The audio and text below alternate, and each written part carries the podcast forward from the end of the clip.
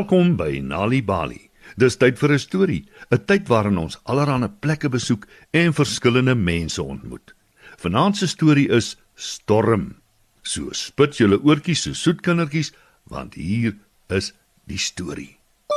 Marie Lou Marits is gedurende 'n storm gebore. 'n Wille storm wat byna die hele klein vissersdorpie Waanhuiskraans vernietig het. Dakke is afgeruk van die vissers se huisies vensters is gebreek, bome is ontwortel en groentetuine is weggewaai deur die wind. Maar veel erger, baie van die vissermanne, die mans, broers, seuns en paas het nooit huis toe gekom nie. Marie Lou se pa was een van hulle. Daar is so min mans oor in ons dorpie. Ons vrouens sal moet begin visvang, sê Marie Lou se ma. En nie lank daarna nie begin Marie Lou se vriende uitgaan op die vissersbote.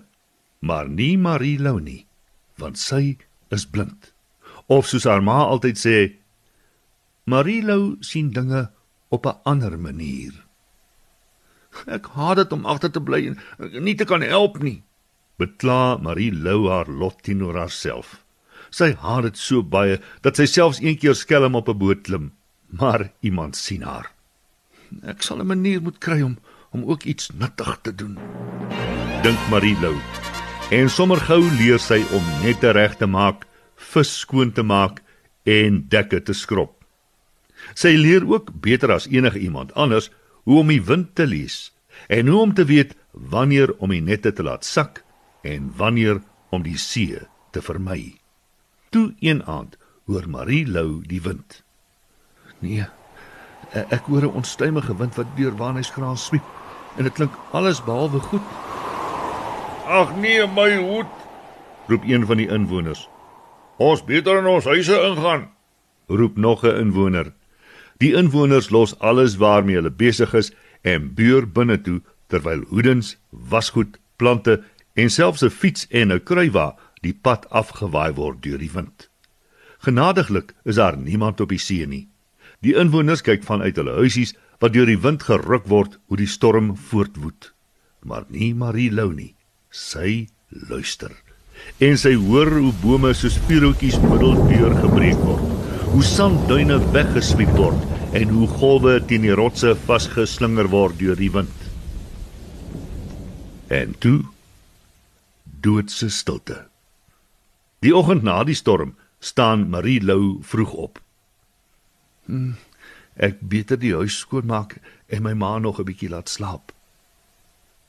Sonder om haar ma wakker te maak, vee Marie Lou al die sand uit die huis uit wat die wind daarin gewaai het. Toe sy klaar is daarmee, gaan Marie Lou buitentoe. Sy luister na die rustige geklots van die see. Dit klink soveel anders vanoggend, nie so kwaad soos tydens die storm nie. Maar toe hoor sy 'n ver af geluid klink soos 'n sagte gehuil. En dit klink so ver weg. Die sagte gehuil word al harder. Die geluid kom en gaan saam met die golwe.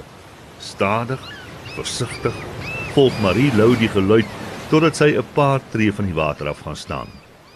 Die een oomblik klink dit asof die geluid hoog in die lug is, soos die geskree van 'n seemeeu. Die volgende oomblik vloei dit in en uit die water wat in die rotspoele klots. Ek weet, ek is naby die geluid. Dit, dit moet net naby wees. Dan hou die geluid heeltemal op. Marie Lou hardloop desperaat na die water toe en sy gly op 'n rots. Iets skuur teen haar voet. Sy dink dis 'n stuk seewier en sy buig en vat daaraan. Dan voel sy hoe dit beweeg en sy voel groot nat hangore, 'n nat neus, vier nat pote en 'n nat ster wat waai. Marilou probeer die arme druipnat ding optel, maar daar is 'n tou om die dier se nek en dit is vasgevang in 'n rotsgleuf. As ek net die tou kan afkry, sê sy en sukkel totdat sy dit uiteindelik regkry. Toe tel Marilou die halfverdrinkte klein hondjie op. Sy glimlag toe die hondjie sagte snuffelgeluidjies maak teen haar nek. Skielik onthou sy van haar ma. Ag nee, Mamma gaan baie bekommerd en baie kwaad wees.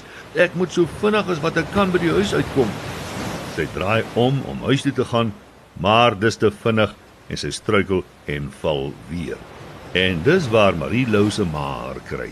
Sy druk haar vas. Dan raas sy met haar en die hele pad huis toe raas haar ma weer en druk haar weer vas. Marie Lou, jy doen dit nooit weer nie, sê Marie Lou se ma en druk haar weer styf vas. Later die dag kom inspekteur Madilwa na hulle huis toe om inligting oor die klein hondjie neer te skryf. Hy sien hoe hartseer dit Marilou maak en sê: "As niemand die klein hondjie binne 'n week opeis nie, kan jy haar hou." Toe glimlag hy en sê: "Om die waarheid te sê, ek dink julle twee is vir mekaar bedoel." Hoe stadig sleep die week nie vir Marilou verby nie. Maar teen die einde van die week het niemand nog die hondjie kom opeis nie. Toe gee Marie Lou haar 'n naam. Ek dink ek sal jou Storm noem, sê Marie Lou. Selfs al is sy nog 'n klein hondjie, verlaat Storm Marie Lou nie vir 'n oomblik nie. En kort voor lank weet Storm presies wanneer Marie Lou waarna toe gaan. Marie Lou begin selfs dink Storm weet wat sy gaan doen voordat sy self nog weet. Storm is altyd daar en sy lei Marie Lou weg van gevaar af. Sy dra haar skooltas vir haar en pas haar altyd op wanneer sy slaap. Weet jy dat deur tuistories vir kinders te vertel en te lees help om hulle beter te laat presteer op skool? As jy nog stories wil hê om vir jou kinders te lees of vir hulle om self te lees, gaan na www.nalibali.mobi op jou selfoon. Daar sal jy heelwat stories vind in verskeie tale.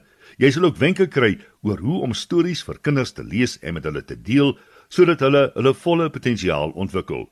Story Power, bring dit huis toe. Besoek ons op www.nalibali.mobi of kry Nalibali op Facebook en mix dit. Die Nalibali byla met pragtige stories en heelwat aktiwiteite is beskikbaar in KwaZulu-Natal, Sunday World Engels en isiZulu, Gauteng, Sunday World Engels en isiZulu, Vrystaat Sunday World Engels en Sesotho, Weskaap Sunday Times Express Engels en isiXhosa en Ooskaap The Daily Dispatch Dinsdae en The Herald Donderdae Engels en isiXhosa.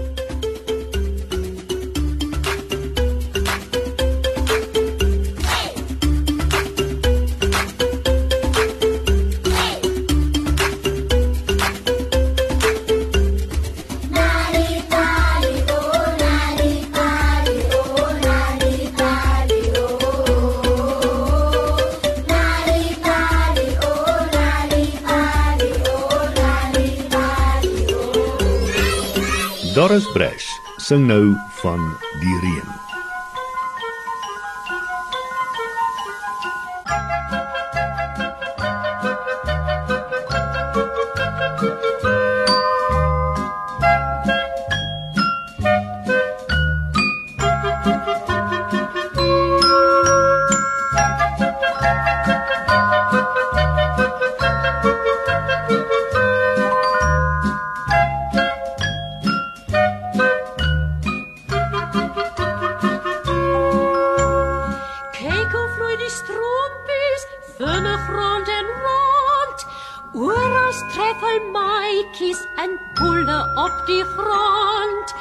Die gras is so dankbaar, die bome sê geluk.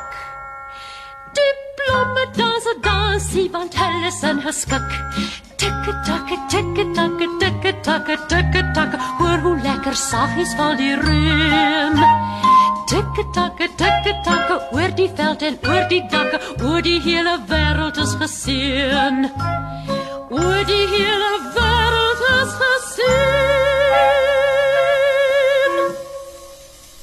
reën gesing deur Doris Brash.